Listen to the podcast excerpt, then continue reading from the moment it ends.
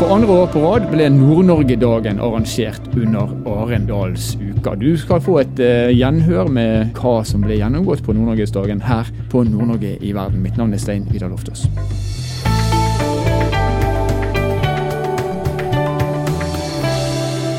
Årets uh, Nord-Norge-dag hadde tre tema.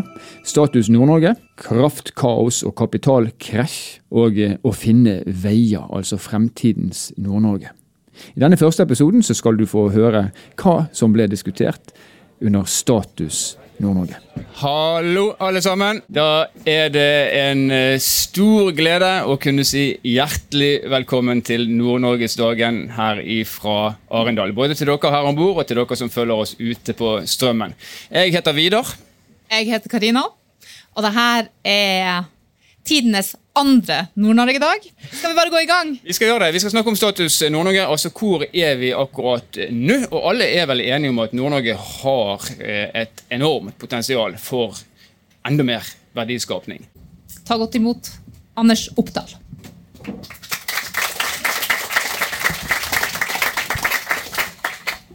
Ja, Anders. Som leder av eh, A-media så har du jo eh, masse lokalaviser i Nord-Norge. Hvordan, eh, hvordan, ser dere på Nord-Norge gjennom eh, A-media? Altså, det første jeg har lyst til å si er Takk for at jeg fikk lov til å komme hit. Og jeg skal bare tilstå først og fremst Det verste som fins, det at det kommer en eller annen utflytta nordlending og skal fortelle hvordan ting egentlig står til. Det er jo helt katastrofalt, egentlig. men vi tar den rollen. Men, men, det er greit. Så jeg setter veldig pris på tålmodighet. Så når jeg skal si de tingene som jeg skal si, så får dere eh, bære over med meg og tenke det at det dere ikke er enig i, det putter vi på kontoen for sørnorsk dumskap, rett og slett. Um, uh, hvordan vi ser på det um, uh, Altså jeg har følgende perspektiv på denne rivaliseringsdiskusjonen. Den er, det er masse substans i den. Det er realiteten. Um, og um, uh, det å få øye på, det å få tak i, i et nordnorsk perspektiv, um, hva som er uh, fellesnevnerne eller fellesinteresser man har, det er omtrent umulig. Man er seg sjøl nærmest. Og fra vårt perspektiv, våre avisers perspektiv, så er det jo sånn det skal være.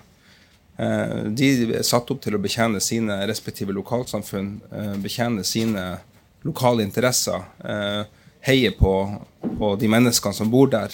Eh, dekke de kritiske sakene som skjer i de lokalsamfunnene.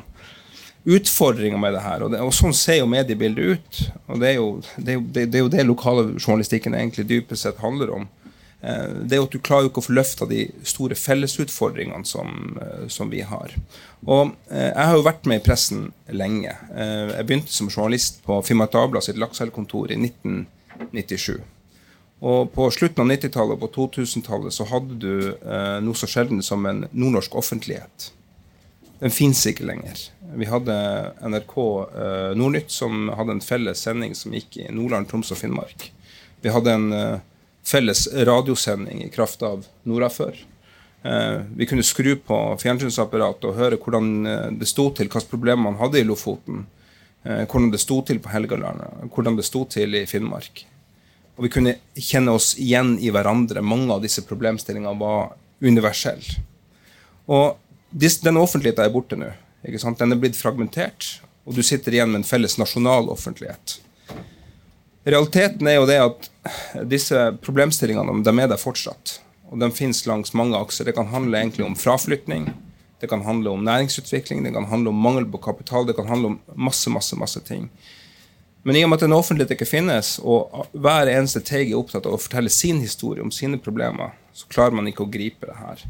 Og Da jeg jobba i Nordlys øh, øh, tilbake igjen, det begynner jo å bli mange år siden, syv-åtte år siden siden jeg slutta der oppe, så en av mine kjepphester var jo regionalisering. Jeg var jo veldig opptatt av den gangen om at vi skulle klare å bygge noen forpliktende grensesnitt og Det betyr ikke det at du skulle liksom ha en, en, en nærmest pinsemenighetaktig nordnorsk kumbaya-stemning. Men klarte vi, eller klarer vi som landsdel å identifisere ikke, bare, kanskje, kanskje, de fem sakene som vi har som felles utfordring. Bare de fem sakene. Og så er vi uenige om de 120 eller 130 andre, eller de særinteressene som eksisterer teg for teg. Men hadde vi klart å identifisere de fem, og fått ramma det inn, inn, i en eller annen slags forpliktende geografisk kompromiss, og så løfta det videre nasjonalpolitisk, så hadde vi hatt mye større gjennomslagskraft. Nå har ikke vi den offentligheten. Vi har en medievirkelighet som er mer og mer fragmentert. Vi står i den, vi lever av den fragmenterte medievirkeligheten. Det er sånn det er. Våre aviser er nødt til å operere på den måten der. NRK etterlever ikke det ansvaret lenger. Og det stiller bare enda større krav til de samfunnsmennesker, dere som er her, og for så vidt også andre. Hvordan kan vi lage disse grensesnittene som får løfta disse problemstillingene? Og hadde vi klart det, da setter det meg i Oslo. For jeg følger jo debatten, og jeg kan jo Nord-Norge. Jeg har jo svart belte i Nord-Norge. Jeg har dekket det som journalist i Dagbladet og reist overalt. Kan hver eneste lille krig, krig og krok og vært redaktør der oppe. Jeg har jo svart belte, og jeg klarer å fortolke alle disse nyansene. Men sitter du i Oslo og ikke kan dette landskapet her, så er det du hører, det er bare støy. Ikke sant? Det er ukjente størrelser, det er et ukjent persongalleri, det er en historikk som ikke, ikke, ikke, ikke finnes. Så når du da skal sende et budskap til, eh, til sentrale myndigheter, så må du strakke, snakke et språk som man forstår, som er håndgripelig. Og det er vanskelig.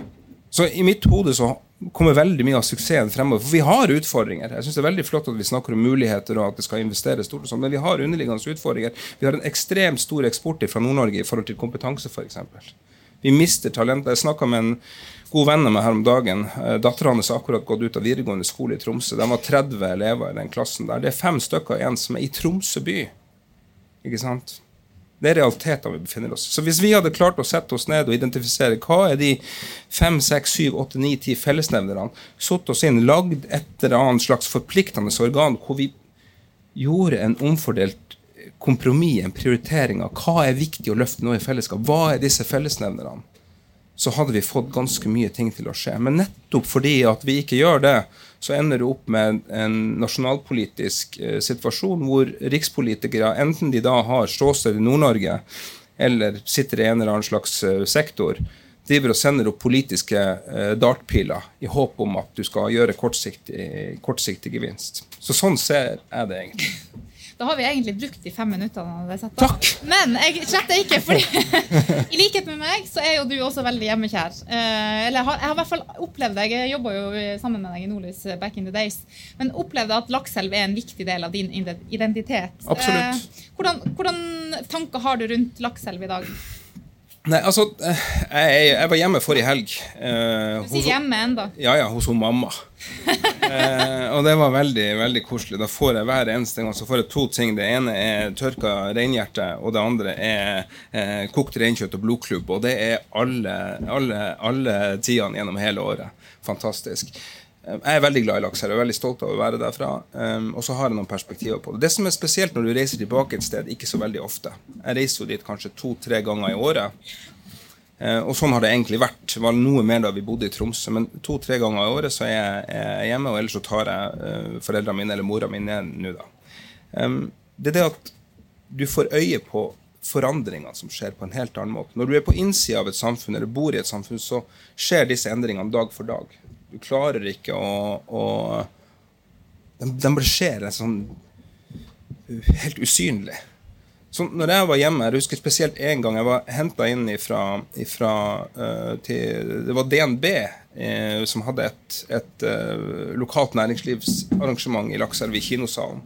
Jeg var invitert til å komme og prate der oppe. Og morgenen før jeg skulle ferde dit, så tok jeg meg en løpetur rundt på, på Lakselvmoen. Banak. Og sprang i gata mine der hvor jeg hadde vokst opp. Jeg vokste opp på 80-tallet. Og jeg husker jo veldig godt dette 80-tallet. Eh, vi vokste opp i Alle husene var nymalt. I eh, oppkjørselen så stod, Enten hadde folk en, en, Ford Scorpio, eller så var det en Ford Sierra.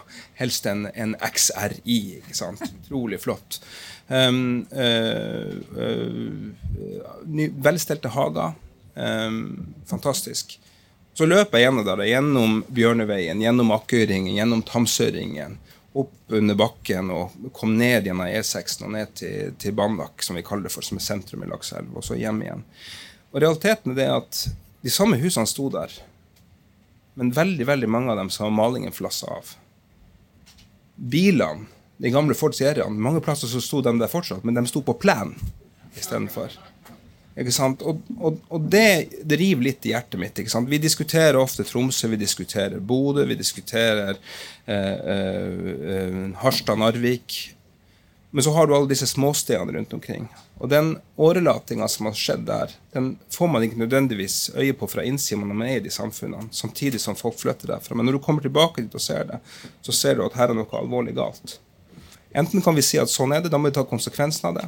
Da må vi si rett ut at vi skal ha en, en urban nordnorsk, nordnorsk, utviklingspolitikk. Det er et alternativ. Det er et politisk veivalg.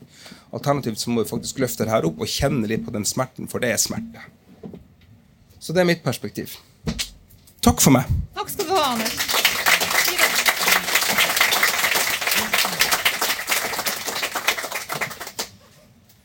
Ja, eh, et litt sånn eh, dystert eh, startpunkt, men jeg kan love dere at vi skal grave oss lenger ned før vi Men vi kommer opp igjen til slutt, det skal jeg også, også love. Nå er det Jan Gunnar Winther fra Senter for hav og Arktis i Norge. Vær så god, kom opp til meg, Jan Gunnar. Og Nå fikk vi et, et bilde, et litt sånn indremedisinsk bilde. Og så har vi de ytre faktorene. For de siste årene så er vi òg i Nord-Norge prega av det som skjer i resten av verden. Krigen i Ukraina, åpenbart. Eh, klimakrisen, arealkonflikter og, og energikrise skal vi komme tilbake til. Men din eh, beskrivelse av det bildet som vi ser i øyeblikket? Nei, jeg, jeg, ønsker faktisk å starte optimistisk og, og ta et sånt utenfrablikk globalt. Eh, og i alle de utfordringene vi står overfor som verden, så er det jo slik at de aller fleste krisene, som vi kaller det, slår ut mye hardere andre plasser enn i vår region. Eh, og faktisk så er det ikke bare sånn at vi har mindre utfordringer i vår region, på en del områder, men vi har faktisk også muligheter. Og Da skal jeg prøve å bli konkret. Ta mat, og kanskje spesielt sjømat. Ser man på makroutviklingen i verden med en økende temperatur, så vil store deler av verden produsere, altså planeten vil produsere mindre biomasse. I våre kalde områder så blir det mer biomasse. Så det skjer en sånn storstilt makroforskyvning på det området som gir enorme muligheter for vår landsdel. Så banker det jo krig. Eh, det er jo ikke mitt felt da, eh, på døra i nord. Eh, det gir jo selvfølgelig en masse utfordringer. Men i totalforsvarssammenheng og i totalforsvarstenking så tror jeg det byr på mange muligheter i forhold til samspillet mellom sivil sektor og forsvarssektoren.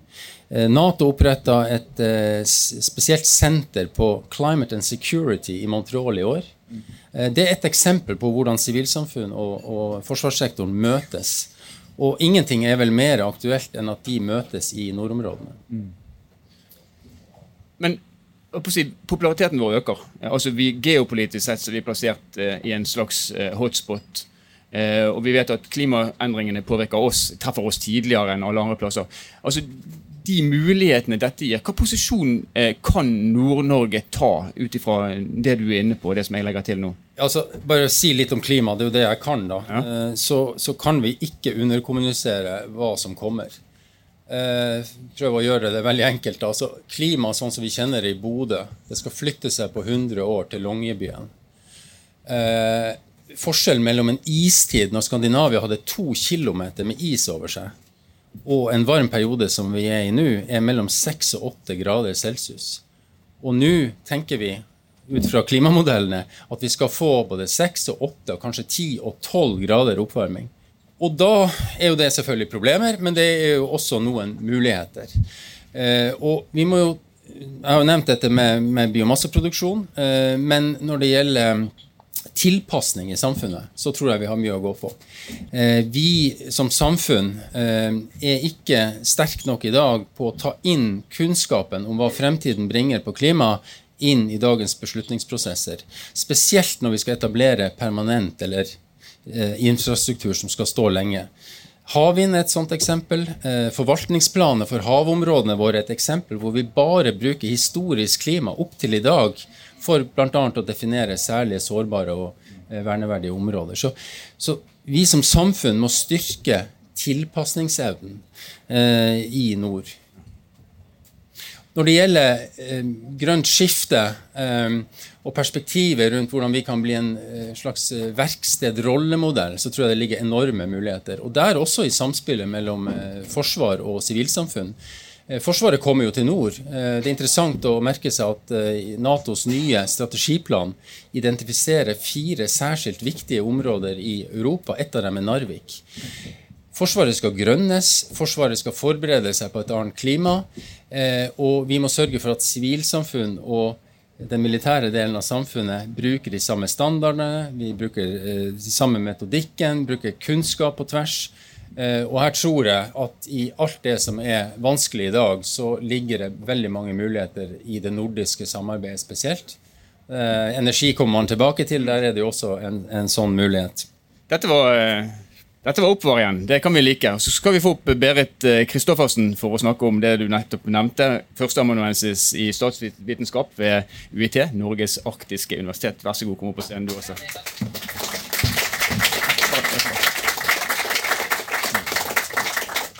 Takk. Ja, Energi eh, har vært nevnt allerede flere ja. ganger. og eh, Vi snakker om sikkerhetspolitikkperspektiver. Mm. Energisikkerhet. Ja. Hva vil det ha å si for Nord-Norge? Hva vil det ha å si for samarbeidet i nord? Hvis vi tenker liksom 15 år tilbake, så var det olje og gass vi snakka om, mens i dag er det et helt annet bilde. Med Ukraina-krisen og eh, det som skjer eh, med Sverige og, og, Finland som kommer inn i Nato. Og vi alle skal ha en grønn reindustrialisering i nord. Og, eh, og da blir det utrolig viktig med et samarbeid, at vi ser den veien, da. Og eh, da er det da tettere samarbeid i hele Nordkalotten, eller det området mellom oss. Og hvis vi ser da til det som skjer i Nord-Sverige, så ligger de kanskje sånn først ute. da. De skal etablere en stor batterifabrikk, de skal elektrifisere gruvedrift mm. og hydrogenproduksjon osv. Så, videre. Så det at eh, vi nå må komme i ordentlig dialog Vi har et felles strømmarked. satt, Vi har kabel, tre kabler da, til Sverige og Finland og en og en halv ned til, ned til uh, Norge. Og da blir jo helt avgjørende at vi får til mer fornybar energiproduksjon. Det vil bli mer konflikt internt i landet. Men da må vi også finne ut hvordan vi kan løse det her sammen. Det tror jeg er helt avgjørende. Da snakker vi om areal. og det, Dette er næringer som, er, er opp, som, trenger areal. og Det er også mange andre næringer som trenger areal. og Vi ser i kommentarfeltene i dag at vi er jo ikke akkurat enige i hvordan vi skal løse dette. her. Hvordan skal vi gå frem for å unngå de store konfliktene rundt areal? Ja, ja, det er jo ikke noe tvil om at det er veldig store interessekonflikter knytta til det. da. Og da er det jo spesielt storskala fornybar energi. Kanskje må vi tenke litt mindre skala og på flere steder. Og en del konflikt knytta til kraftledninger. Da. Hvor skal de bygges, og når de skal bygges. Og hvis vi tenker på det her med Fosen-saken, så vil konfliktnivået i Nord-Norge fortsette å øke så lenge Fosen-saken ikke løses. Da. Så der trenger vi en avklaring. Uh, og så tror jeg det her med klima og naturvern som settes opp mot hverandre, det, en, uh, det splitter både politiske miljøer, miljøbevegelsen osv. Men jeg tror det her med at liksom hvermannsen begynner å skjønne da, at man kanskje må ofre noen ting for å ikke få så høy strømpris. Da. Så jeg tror egentlig at det er en litt sånn bevegelse der. Ja, hva, skjer hvis ikke vi får det til? alle må jo ofre litt. alle kan ikke ofre alt. Eh, hvis vi, eh, hvis vi ikke får det til, så jeg tror kanskje grunnen til at vi ikke får det til, er hvis vi ikke klarer å få en energiomstilling som står seg over tid, eh, og at man får sosial aksept for det. Og da er det viktig at det ikke oppleves som urettferdig da, når man har grønne løsningene skal implementeres. Og Eh, det ser vi veldig godt når vi er rundt iallfall fall det fagmiljøet mitt, at vi er rundt i lokalsamfunn og snakker hva som skal til her og der. Longyearbyen, Senja, Lofoten, Berlevåg osv. Og, og da ser vi det at det der med å få folk over streken til å tenke eh, hvorfor ikke her, så handler det i stor grad om at det skal skje noe lokalt. Da. For det, nå er vi tilbake til det vi snakker om her med fraflytting osv. Alle vil jo ha en ny industri eller videreutvikle sin industri. Eh, og da tror jeg egentlig at vi har et større problem enn motstand til utbygging til å liksom få folk til å skjønne hva kan vi gjøre her, og på hvilken måte. Og der har uh, liksom, vi alle i akademia, kraftbransjen, politikk og næringsliv osv. en stor jobb å gjøre for å klare å tenke litt nytt rundt det. da. Ja. Du er optimist? Ja, jeg tror uh, Altså vi må jo løse det. Vi kan jo ikke sette oss på gjerdet og tenke at det her skal noen andre løse for oss. Så Jeg tror vi kan få til mye bra samarbeid i nord, og jobbe på tvers. Og også jobbe for at hver krink og krok også skal kunne ta del i det grønne skiftet. Da tror jeg det er lettere å få til. Ja. Vi skal snakke mer om kraft i bolk nummer to. Tusen takk til Jan Gunnar Winther, tusen takk til Berit Christoffersen, og med det setter jeg over til sporten. Det er vanskelig å kvitte seg med det sportsstempelet, det er greit. Men vi kan snakke fotball etterpå. Vi skal eh, få eh, Status Nord-Norge sett fra næringslivets perspektiv. Ta godt imot regiondirektør i NHO, Hans Christian Hansson.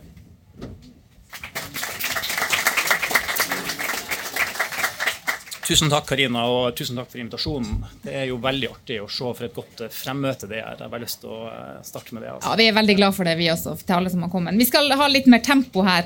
Um, jeg har fått beskjed fra bakrommet at vi må få opp tempoet. Men det er bra. det er bra. Uh, pulsen på næringslivet i nord, hvordan vil du beskrive Ja, da den? skal jeg være kort og si at jeg ser mer gnist og livsmot enn elendighet og mismot. Jeg vil si det at ute i næringslivet ok, Mange er bekymra når det gjelder det makroøkonomiske bildet. Utfordringer som vi står overfor globalt, eh, når det gjelder naturligvis geopolitikk, når det gjelder inflasjon, når det gjelder stigende rente. Men ute i nordnorske lokalsamfunn er det en utrolig skaperkraft. Det er ei tru på fremtida som man skal lete lenge etter å se jeg tror jeg, andre steder i verden. Og det er en oppfinnsomhet eh, når det gjelder ulike måter å innovere på innenfor eh, en rekke industrier. Flere har vært nevnt.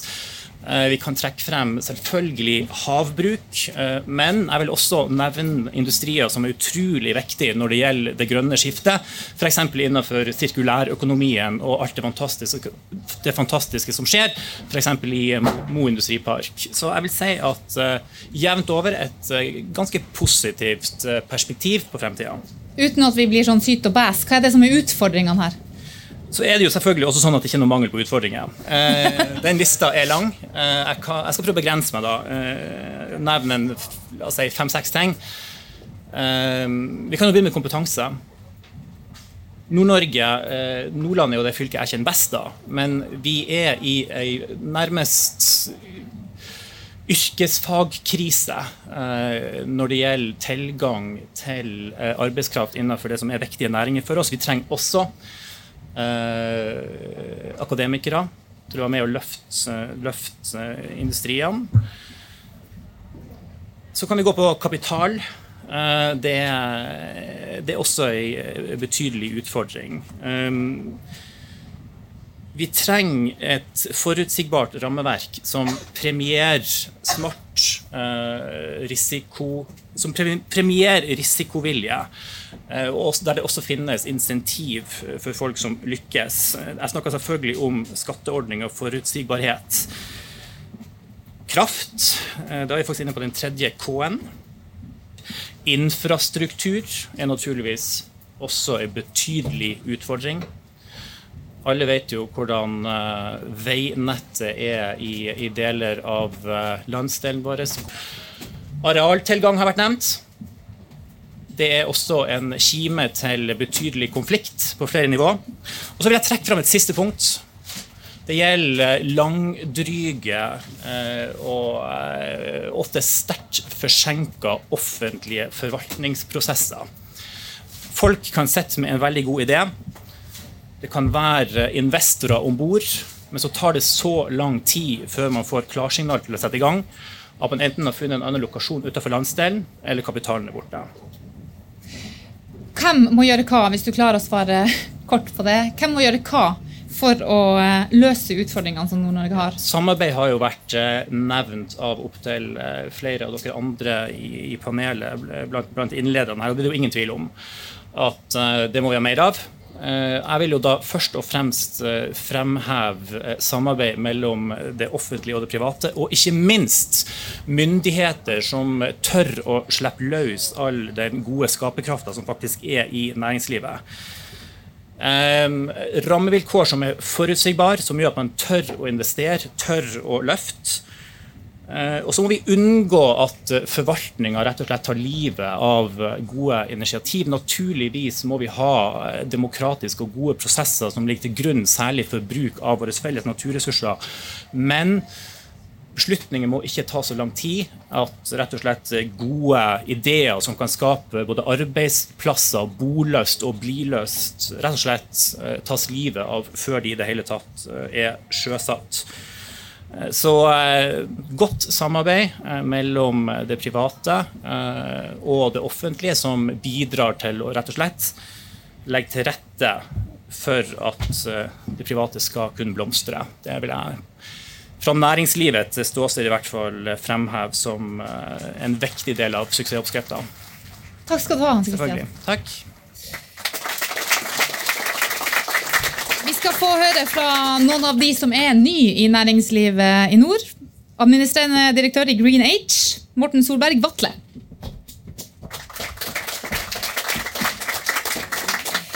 Ja, Morten. Første spørsmål. Hva gjør dere i nord? Ja, Det var eh, det spørsmålet jeg prøvde å unngå å svare på nå i to år. det er besvart med ikke-svar lenge, men det er klart vi er jo et selskap som uh, lager uh, infrastruktur for grønt hydrogen. Så betyr egentlig vi bygger hydrogenfabrikker. Og, og spørsmålet er vel egentlig hva skjer uh, med prosjektene våre i Bodø? Det er i hvert fall det mange har spurt meg om i det siste, så jeg tenkte jeg skulle spare på det nå.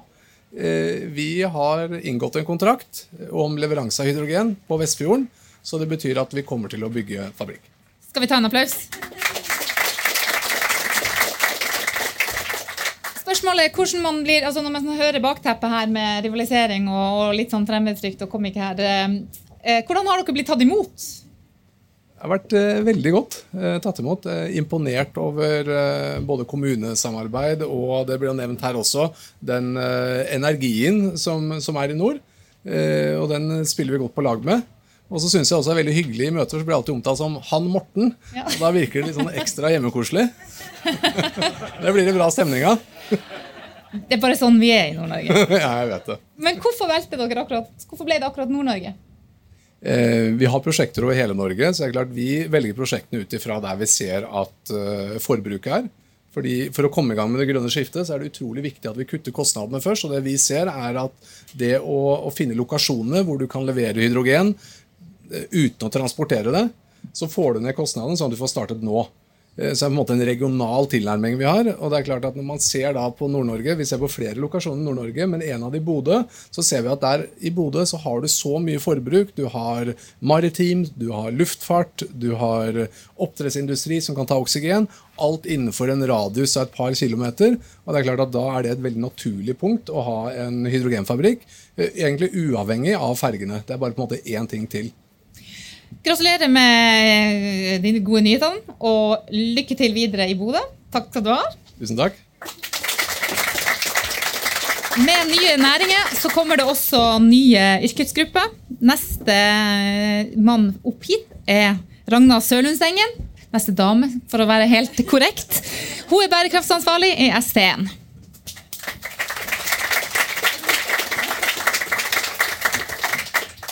Ja, jeg vil bare poengtere med en gang at vi er ikke ny eh, i Nord-Norge. Vi har faktisk vært i Nord-Norge i mange år. Vi har både retail-nettverk og terminaler. Så Men stilling som bærekraftsansvarlig det er en relativt ny yrkesgruppe. Eh, hva er jobben din? Ja, altså Det har jo vært nevnt litt med at ting skal være rettferdig. Eh, vi har et ansvar eh, som utviklere og utbyggere for å gjøre ting på en ordentlig måte. Eh, så det handler rett og slett om den sosialt rettferdige omstillingen. og at Vi har, vi har jo lært leksa om at bærekraft handler ikke bare om eh, megawatt og terawattimer og store fancy installasjoner, men at vi må gjøre det på en måte som er forankra og som føles rettferdig. På mange måter en ny hverdag for bedrifter å ha et regelverk å forholde seg til når det gjelder bærekraftsrapportering. Eh, hvordan, hvordan blir dere tatt imot? Eh, vi blir tatt imot eh, veldig godt. Eh, jeg føler at både næring og lokalsamfunn egentlig har den økende forståelsen rundt at sånn, sånn, skal det være. Eh, og vi som selskap er jo veldig opptatt av å prøve å ligge i forkant. Så min jobb går å prøve å, å identifisere internasjonal best praksis, lese konvensjonene, se på naturavtalen og tenke litt nytt på okay, dette med naturverdi. Eh, hvordan kan vi kanskje klare sammen med forskere å komme fram til gode systemer hvordan vi kan innhente dataen på forhånd, sånn at myndighetene igjen får gode beslutningsgrunnlag. Med tanke på at dere opererer i Nord-Norge, de prosjektene dere har der, eh, er det noe spesielt der som bærekraftsansvarlig må ta hensyn til? Eh, Jeg jobber veldig mye med næringsforeninger, f.eks. Vi er veldig opptatt av at når vi utvikler disse prosjektene, så eh, Vi snakker om verdiskapning lokalt, og vi snakker om at eh, det må være altså Skatter er veldig godt og fint, det. Eh, Men å finne ut av hvilke eksisterende næringer som er der, eh, hva er det kommunene og enkeltpersoner har lyst til å vi utvikle videre, og hvordan kan det knyttes opp til våre planer. Eh, Og Hvis det er store kraftprosjekter, for eksempel, da, så er det veldig viktig at man finner ut av hvordan lokale entreprenører eh, kan sikres kontrakter inn i utviklingsprosjektene. For eksempel. Tusen takk for innføringa. Er det selvfølgelig mye annet man kunne ha bora i når man skal snakke om status i Nord-Norge, men dette var altså noen av de kanskje mest sentrale sakene akkurat i øyeblikket. Hvis du eh, har tid og lyst, så kan du få med deg to episoder til. Altså Kraftkaos og kapitalkrasj. Og Fremtidens Nord-Norge, det med å finne veier. Nord-Norge i verden er en podkastserie som er produsert av Sparebank1 Nord-Norge i samarbeid med Helt Digital. Musikken du har hørt er laga av eh, Emil Karlsen. Mitt navn er Stein Vidar Loftaas. Vi høres igjen i neste episode.